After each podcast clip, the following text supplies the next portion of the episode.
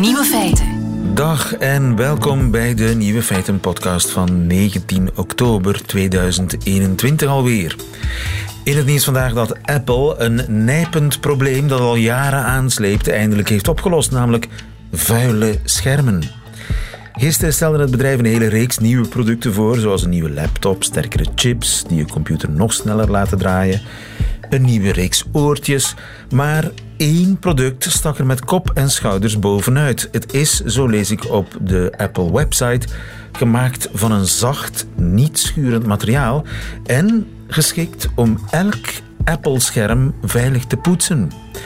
En om elke verwarring uit te sluiten staat er ook een lijst met producten bij die compatibel zijn. Allemaal Apple-producten. Met andere woorden, het is een doekje waarop een Apple-logo staat. En met dat doekje kunt u volgens Apple alleen schermen van Apple poetsen. Het kost 16 euro. Uw bril poetst u dus maar met uw mouw. De andere nieuwe feiten vandaag, een tweet van de Nobelprijswinnaar literatuur die wereldwijd het nieuws heeft gehaald. Die tweet was fake, want de man zit niet op Twitter. Vlees eten zou volgens een Netflix-documentaire slecht zijn voor het mannelijk geslachtsorgaan. De klimaatopwarming laat zich nu al proeven aan de wijn. En in Californië mogen straks geen bladblazers en grasmaaiers op benzine meer worden verkocht. De nieuwe feiten van Lucas van Klooster die hoort u in zijn middagjournaal. Veel plezier. Nieuwe feiten. Bij Nieuwe Feiten hebben wij oog voor uw vragen. En zo is er een vraag binnengekomen van een luisteraar die anoniem wenst te blijven. Ik lees de vraag even voor. Volgens de Netflix-documentaire Game Changers kan voeding een invloed hebben op de penislengte. Een plantaardig dieet kan voor een grotere omtrek in erectie zorgen en ook de frequentie van het aantal erecties zou toenemen. Kunnen jullie dit bevestigen? Enige consternatie maakte zich meester van de redactietafel. Toen zijn we gaan checken, want het gaat over een Netflix-documentaire, dat is niet obscuur, en die heet Game Changers. En wat wordt daarin gezegd? Ongeveer dit. Like Mason, uh, you were more erect after the plant-based diet than the meat-based diet. Okay, how about how often you had erections? Wow. That's almost a 500% difference. Dang, man. That's crazy. So you guys all had a very similar response to the meat meal versus the plant meal. Als ik het goed begrepen heb, werd hier verteld dat 500% meer nachtelijke erecties werden vastgesteld bij iemand die zich aan een plantaardig dieet had gehouden. Dat vraagt om opheldering. Goedemiddag, Piet Hoebeke. Goedemiddag, lieve. Dokter Hoebeke, uroloog eh, aan het UZ in Gent. U heeft onlangs ook nog een, een, ja, hoe heet dat? een toespraak, een college gegeven op, universiteit, op de Universiteit van Vlaanderen. Dat is een online universiteit over de penis. Heeft u het daarover uh, gehad, over dat plantaardige dieet dat een invloed kan hebben? Nee, helemaal niet. Hè. Uh, studie waarnaar Netflix verwijst is trouwens een heel slechte studie, omdat het over uh, drie proefpersonen gaat die hun eigen controle zijn. Dus ze eten één nacht één avond vlees en dan één avond vegan. En dan vergelijkt men die twee nachten. Dus een wetenschappelijk slechte studie.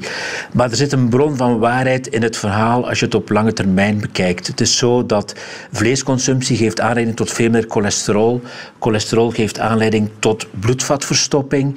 Dus als je uh, gevoelig bent voor hoog cholesterol, dan riskeer je door veel vlees te eten sneller impotent te worden. Dus in de long run is dat een waar verhaal. Een vegetarisch dieet is veel beter voor jouw penis op lange termijn. Maar in de short term maakt dat eigenlijk niet uit. Ja, dus, en die, dat lange termijn effect, dat is eigenlijk indirect. Dat is omdat je een gezonder uh, cardiovasculair systeem hebt. Ja. Klopt, de penis is de kanarie in de koolmijn. Hè. Dat is, uh, als, je, als je geen erecties meer, of als je erecties verzwakken, dan is de kans dat je ook in je hartproblemen begint te krijgen met wat uh, verminderde bloedtoevoer of op andere plaatsen in het lichaam groot. Dus uh, als je problemen begint te krijgen met erecties, dan ga je best even naar de cardioloog. Ja, en dus voor alle duidelijkheid, een grotere erectie ga je niet krijgen van plantaardig dieet. ook niet op langere termijn, hè? Wel, nee, zeker. Lengte gaat niet veranderen. Hè. Uh, de obsessie met lengte is zodanig uh, groot dat er alle fabeltjes over ontstaan. De lengte verandert niet door meer sojabonen te eten. Het enige wat je kan doen is dat je kwaliteit van je erecties langer kan behouden door meer vegetarisch en vegan te eten. Maar nog eens lange termijn. Hè. Dat is niet voor morgen. Dat is niet als je vandaag een vegan maaltijd eet dat je vannacht prima erecties zal hebben die je nooit gezien hebt voordien. Ja, want dat is natuurlijk ook een onderscheid die je moet maken. De lengte van de penis en de kwaliteit van de erectie, dat zijn twee verschillende dingen natuurlijk. Hè? Ja, er is wel één ding, lieven. Als je geen nachtelijke erecties meer hebt, dus als je wat impotent wordt, dan zal de lengte van jouw penis wel wat gaan afnemen. Hè. De nachtelijke erecties, die alle mannen tussen de vier en zes keer per nacht hebben, die zorgen voor behoud van voldoende lengte. Dus door die, die stretchoefening elke nacht hou, hou je de penis op lengte. Dus als je, naarmate je minder erecties hebt s'nacht, kan de penis wel wat korter worden na verloop van tijd. Dus Samengevat, een penis kan niet groeien, kan wel krimpen. Ja, klopt. Helemaal juist. Het leven, het leven is hard, uh, Piet Hoebeek. En, en je maakt me wel een beetje bang, want uh, hoe kan ik weten of ik wel nachtelijke, nachtelijke stretchoefeningen genoeg doe? Ja, uh, misschien even aan jouw partner vragen om, uh, om het uur even te checken hoe de toestand is uh, en dan laten rapporteren. Dat kan helpen bijvoorbeeld. Ware liefde. Of de postzegeltest. Hè. Postzegels rond jouw penis kleven en als ze s'morgens gescheurd zijn, dan heb je een erectie gehad. Dat is eigenlijk wel een prachtige huistuin- en keukentip. ja. Die kennen wij goed, die tip. Maar er zijn niet veel postzegels meer zoals vroeger. De postzegels zijn nu zelf klevend, wat het wel lastiger maakt natuurlijk. Hè? Ja, dus op de een of andere manier een, een, met postzegels desnoods een manier vinden om te checken of ja. je s'nachts tijdens je slaap wel genoeg nachtelijke erecties hebt die uh, ja, als stretchoefening dienen om je penis op lengte te houden. Maar een vegetarisch dieet zal op korte termijn geen enkele invloed hebben. En op langere termijn houdt het gewoon uw cardiovasculaire systeem op orde en gezond, zodanig dat je je penis gewoon zijn werk kan blijven doen. Piet Hobeke, zeer helder, dankjewel. Goedemiddag. Bedankt, lieve. Dag.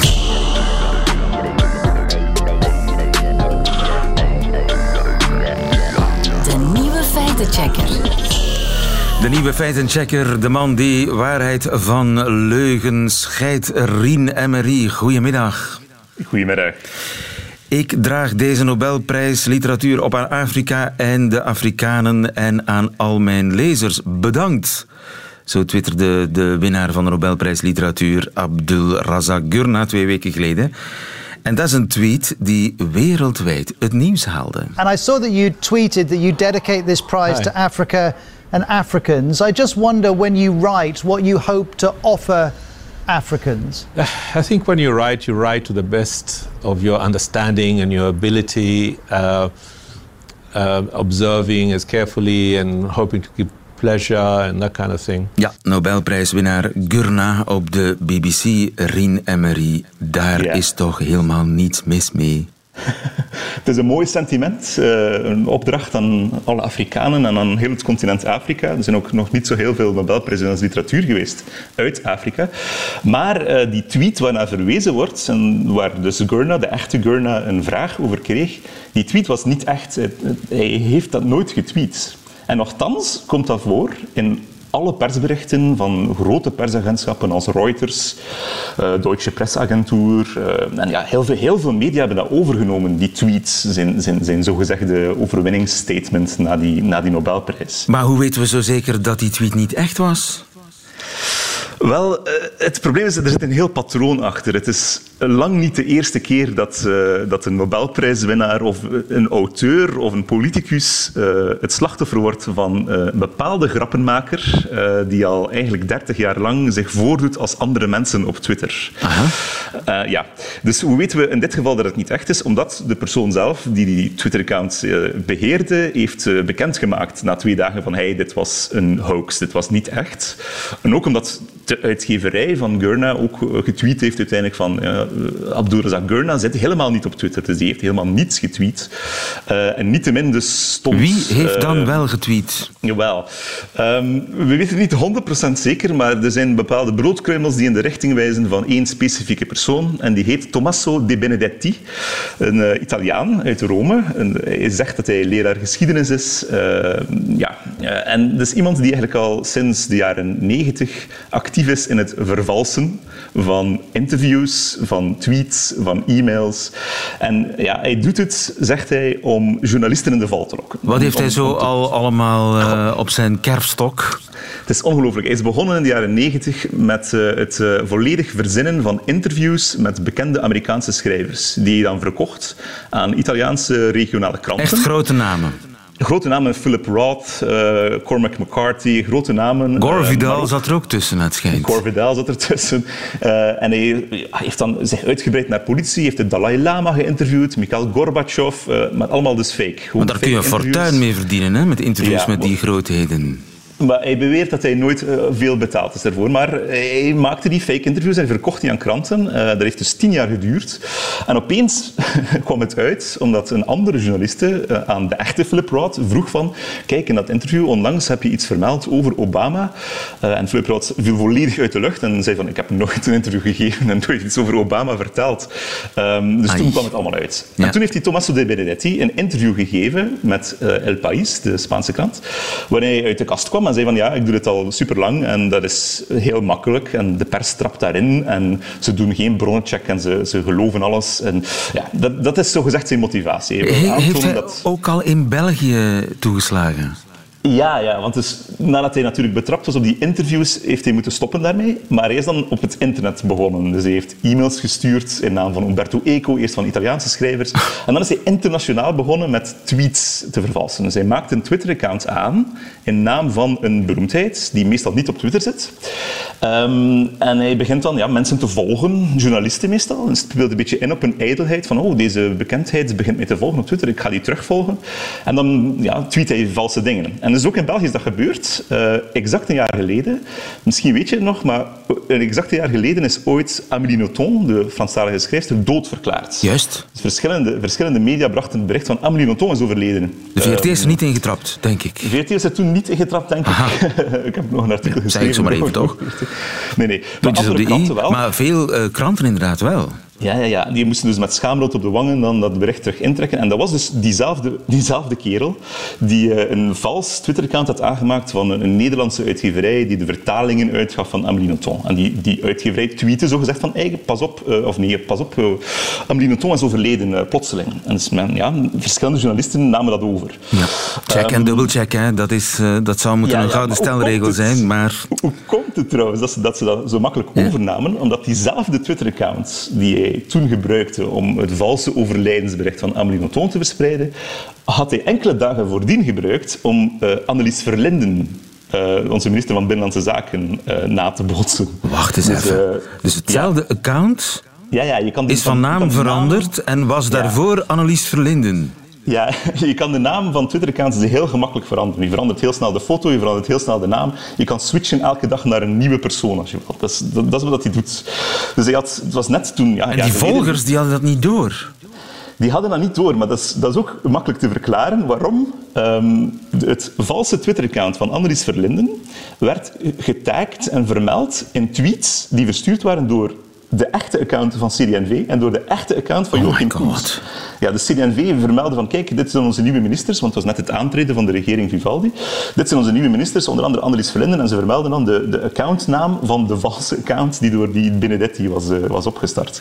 En dan een paar dagen later verandert hij naar eh, die uitgeverij en tweet hij dat Amélie Nothomb dood is. En dan, ja, veel mensen trappen daar dan in. Ja, Ehm, omdat dat natuurlijk zijn- veel mensen dat account volgden en dat de CD&V het zelf naar voren had geschoven. Ja, die werd, die werd al gevolgd door tientallen Belgische journalisten eh, die niet door hadden dat het fake was. En zijn motieven zijn dus niets anders dan aantonen uh, mensen zijn naïef en kranten zijn uh, slordig en, en Ja, persagentschappen. En... Hij is ooit betrapt zelf op allerlei vervalsingen, dus je weet niet, het is zo'n mysterieuze figuur. Ik Als historicus bedoel je? Ja, ja, toen hij zelf uh, zogezegd die interviews deed. Oh ja, ja, ja, ja. ja. Ja, ja. Maar hij doet het al nu, hij doet nu al ja, tien jaar op Twitter, dit. Hè. Dus, dus hij beheert soms tien accounts tegelijkertijd. Ja, maar da daarvoor, het, het, interview, het valse interview was ook om aan te tonen, niemand checkt mij. Ja, dat, is natuurlijk, dat kan natuurlijk een uh, post factum uh, Ja. redenering zijn, terwijl hij eigenlijk gewoon betrapt was. Hè? Dat weet je niet. Maar uh, het, is, het is een rare figuur en eigenlijk ben ik ook niet, zijn we ook niet 100% zeker dat het nu die, diezelfde Tommaso Di Benedetti is. Want, Hij dus beweert van wel. die- Hij beweert, it was I.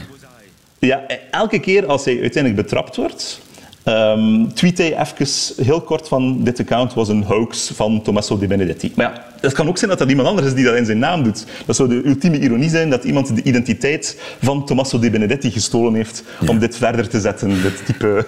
Is hij niet strafbaar? Kun je zomaar je uitgeven voor iemand anders op Twitter en zeggen, haha, gefopt, achteraf? Ik denk, niemand, ja, nee, niemand kijkt daarnaar. Uh, niemand, niemand houdt hem in de gaten. Uh, ook, ik denk wel dat hij helemaal niets van gevolgen heeft gedragen van al die fake interviews. Het waren er echt tientallen hè, die hij liet verschijnen uh, vroeger. Um, ik, ja, ik, denk ook niet dat Annelies Verlinden klacht heeft ingediend hiertegen. Ja. ja. het is een ongrijpbare figuur. het, is, het, is, het is een kleine held van mij. Hij een kleine held, toch? Ja, hij legt zo eh, ja, een vinger op de zere plek. Uh, dat het zo gemakkelijk is om mensen te misleiden. Uh, ik vond dat echt, dit, dit met Gurna, die laatste, met de Nobelprijswinnaar nu, is echt een, een, gigantisch succesverhaal geweest. Omdat dus ook die account van Gurna vermeld werd in tweets van BBC Africa. En die had dus 15.000 volgers al ondertussen verzameld. Voor hij heeft nu laten weten van hey, dit was fake. En dus, ik volg hem nu nog steeds. Hij heeft nu zijn naam veranderd naar een, naar een Italiaanse naam. Um, en ik volg hem nu en hij, en hij gaat waarschijnlijk binnenkort een nieuwe identiteit aannemen om het opnieuw te proberen, om de zoveel tijd toe te Ja, maar jij zult er niet in trappen. Ik ga er niet in trappen. En we moeten dus altijd, rond de Nobelprijzen, moeten we altijd uh, alert zijn als journalisten van pas op, uh, is dit wel echt de echte persoon die we hier zien met die tweets op Twitter? Ja, want uh, wie het een beetje slim aan boord legt, die kan zich voor om het even wie uitgeven op Twitter. Zo blijkt Rien Emery. Dankjewel. Goedemiddag. Salut. Nieuwe feiten. Nog maximum twee jaar, dan is het hiermee gedaan.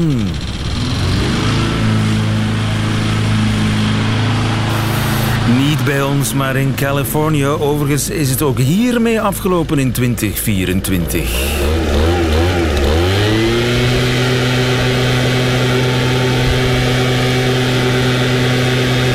Oh.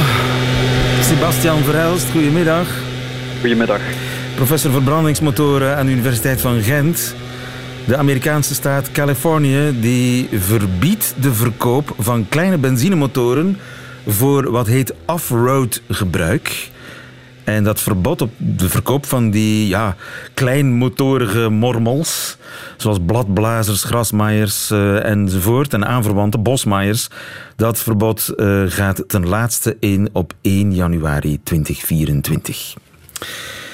We hebben het dan toch over dat soort kleine ja, voertuigen. Voertuigen zijn het niet, hè? apparaten. Ja, vooral uh, draagbare apparaten met verbrandingsmotoren inderdaad. En het is vanaf 2024 dat ze, dat ze dat gaan beginnen uitfaseren. Het is de bedoeling dat ze tegen 2035 naar 100% wat ze dan de zero-emissies ehm, noemen, overschakelen. Ja, dat zijn hele lawaaierige krengen. Ligt dat aan de motor zelf? Dat ligt puur aan de, aan de uitlaat. Dus het is perfect mogelijk om die heel wat stiller te, te maken. Maar dat zijn ook dingen die niet te veel mogen kosten. Dus dat is altijd een economische afweging. Ja, ja. Want um, vaak zijn het nog tweetaktmotoren. Hè? Ik zeg het alsof ik weet wat Klopt, tweetaktmotoren ja. zijn.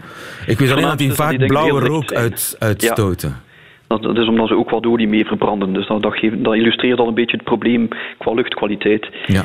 Zoals de Trabant destijds, dat was ook een tweetakt motortje. Absoluut, inderdaad. En met zo'n blauwe pluim erachter. En dus dat, uh, ja, dat verhoogt natuurlijk de uitstoot. Je ziet hem zelfs, de uitstoot. Ja, absoluut, inderdaad. En is dat dan CO2 of is dat gewoon ja, milieuvervuiling? Milieuvervuiling, ja. Qua, qua CO2-uitstoot, natuurlijk alles van fossiele brandstoffen dat je gaat verbranden, geeft aanleiding tot CO2-uitstoot. Maar de bijdrage voor bijvoorbeeld Californië qua CO2-uitstoot in het totaal is eigenlijk verwaarloosbaar van dat type motoren.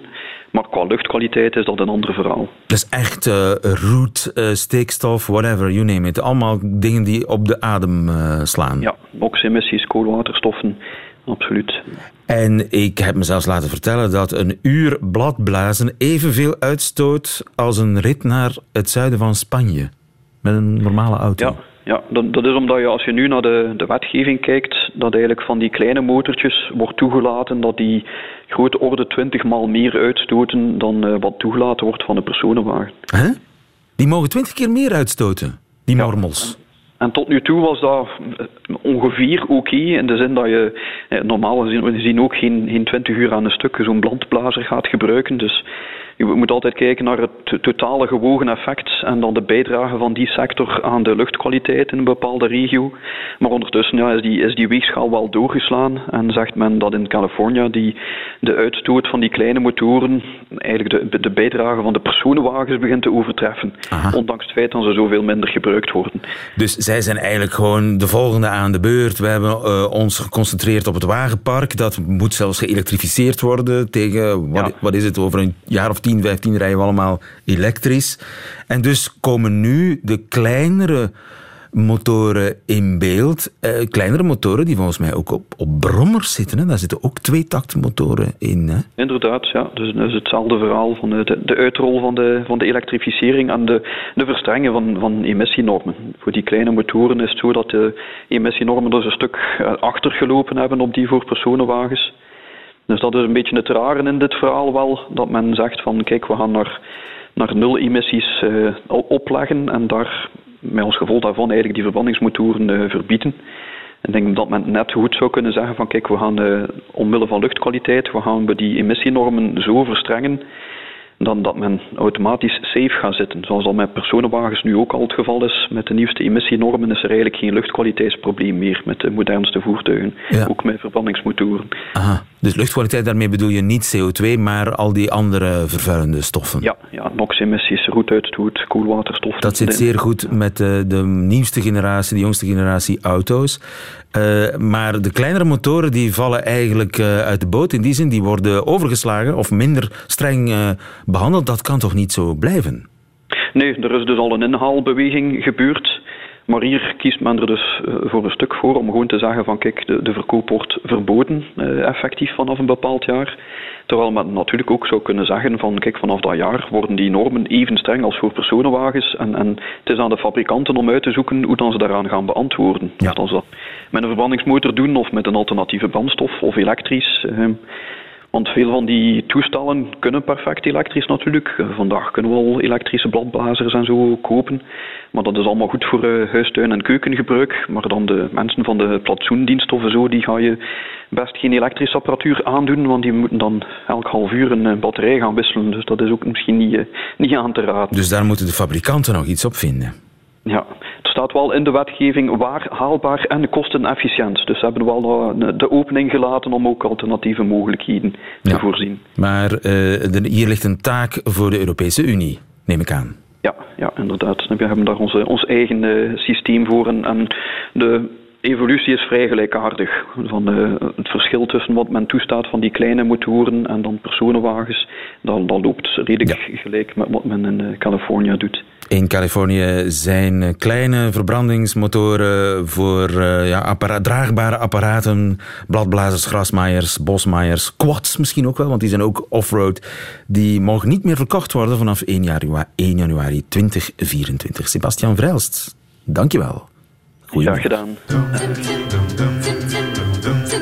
Radio 1. Dum diddle diddle dum dum dum diddle diddle dum dum dum diddle diddle dum diddle diddle dum diddle diddle dum. Nieuwe feiten. Ding dong ding dong. Ding dong.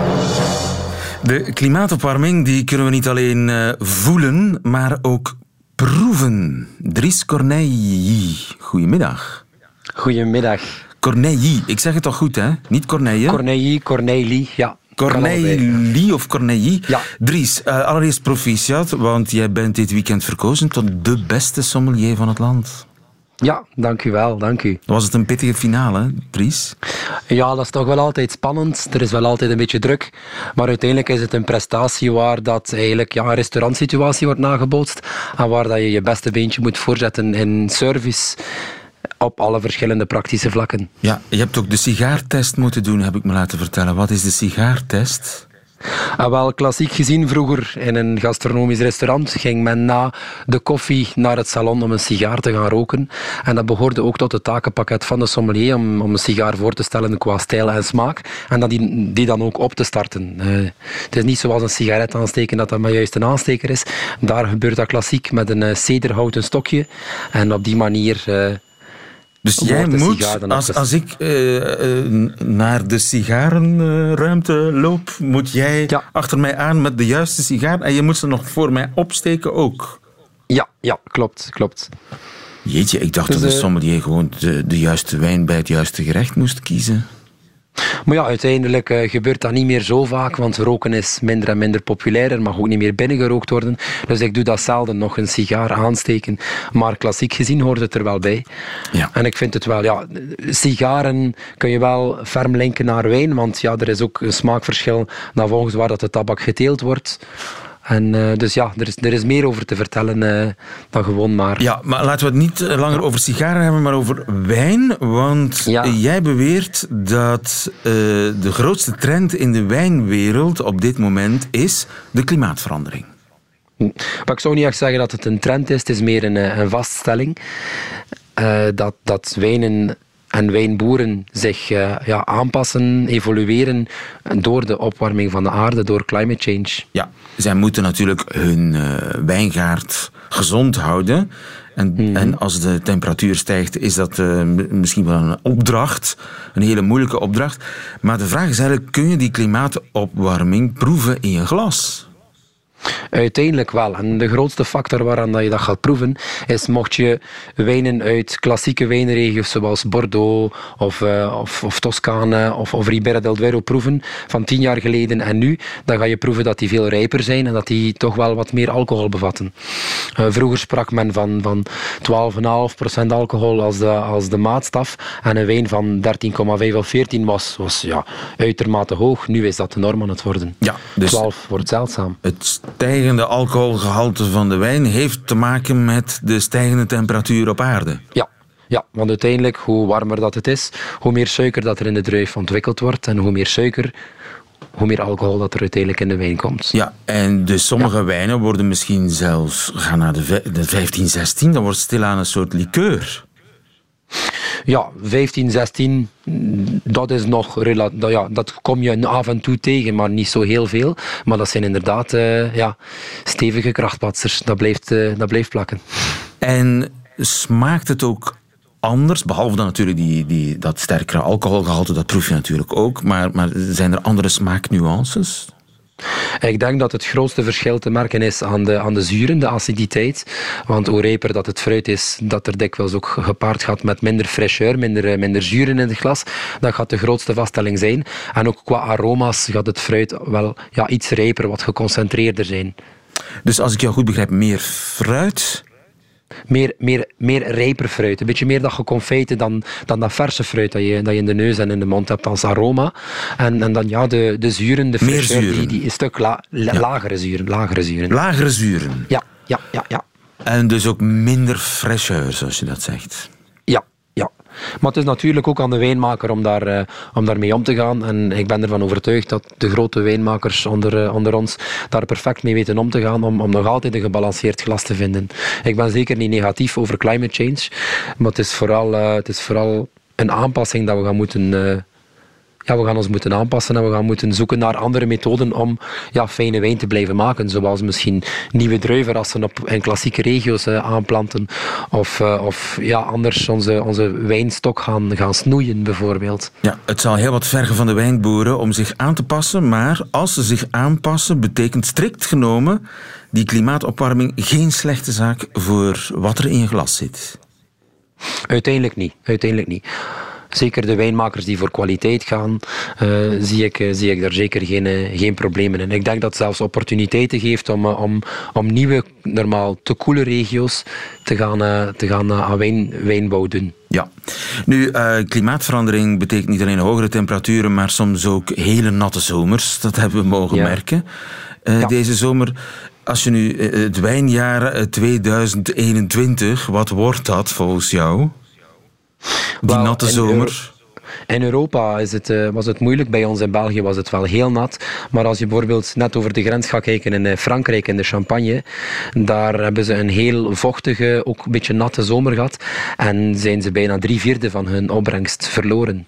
Ja, dus dat is vooral, eh, heeft vooral een impact op de kwantiteit.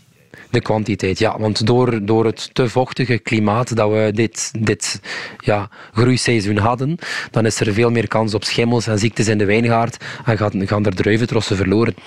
Ja, En, maar eh, ja. op, op de smaak zelf, eh, de kwaliteit. Op de kwaliteit niet, nee. Dit jaar eh, zijn er een aantal wijnboeren die van, die van hetgeen dat ze nog hadden, toch mooie resultaten hadden.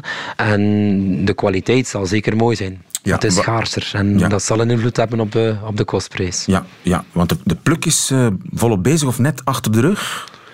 Ik denk dat de meeste wijnboeren eh, al, een, druiven hebben binnengehaald ondertussen. Ja, en dan wordt het spannend eh, wat daarvan zal gebrouwen. Of, ge, ja, hoe zeg je dat? Ge, Gevinifieerd, eh, Gevinifieerd zal Ja, worden. ja, Goed. Inderdaad. D- Dries Corneille, dankjewel. En nog een fijne dag, de beste sommelier van het land, Dries Corneille. Goedemiddag. Dankjewel. Goedemiddag. En dat waren ze. De nieuwe feiten van 19 oktober 2021. Alleen nog die van eh, journalist en collega Lucas van Klooster.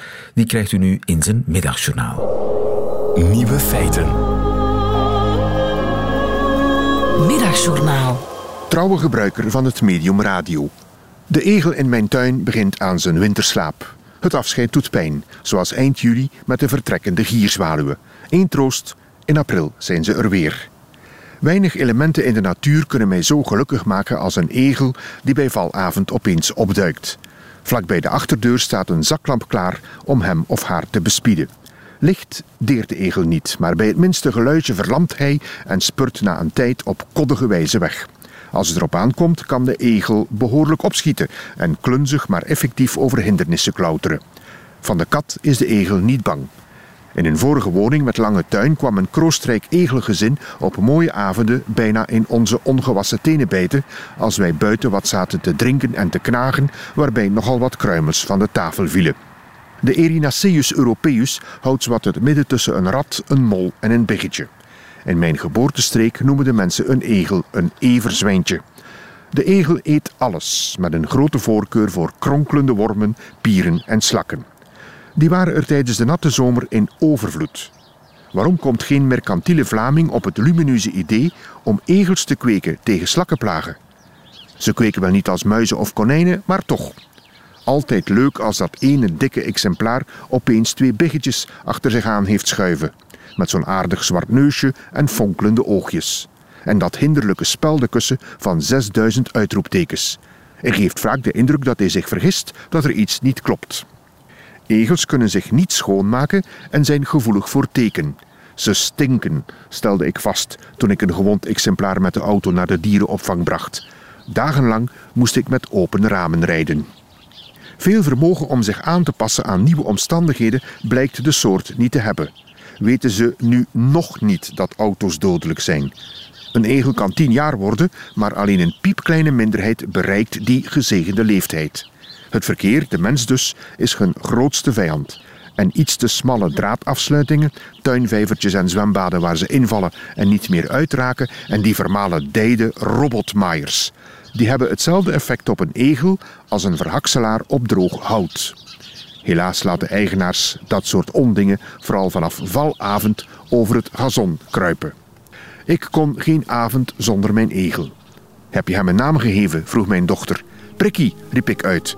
Origineel hoor, antwoordde ze. Nou ja, ik kende ooit iemand met een hond, Blaffy. Waarde luisteraar, doe uzelf een plezier. Maak uw tuin egelvriendelijk, een beetje rommelig her en der. Strooi s'avonds wat kattenbrokjes of heus egelvoer, dat kan je kopen. Echt Duits fabrikaat. Zet her en der een schoteltje met water, zodat hij of zij om te drinken geen risico's hoeft te nemen. Rijd tijdens zomernachten trager met je auto. Verpletter geen egel die op zoek is naar een partner om voorzichtig te rampetampen. Geloof mij, die eerste egel in uw tuin vergeet u nooit.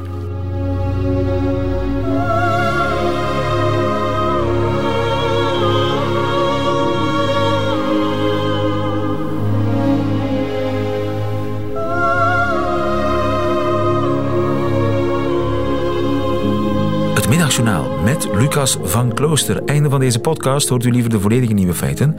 Dat wil zeggen met de muziek erbij. Dat kan live elke werkdag tussen 12 en 1 op Radio 1. Maar dat kan ook in uitgesteld relais via de Radio 1 app of via radio1.be. tot een volgende keer.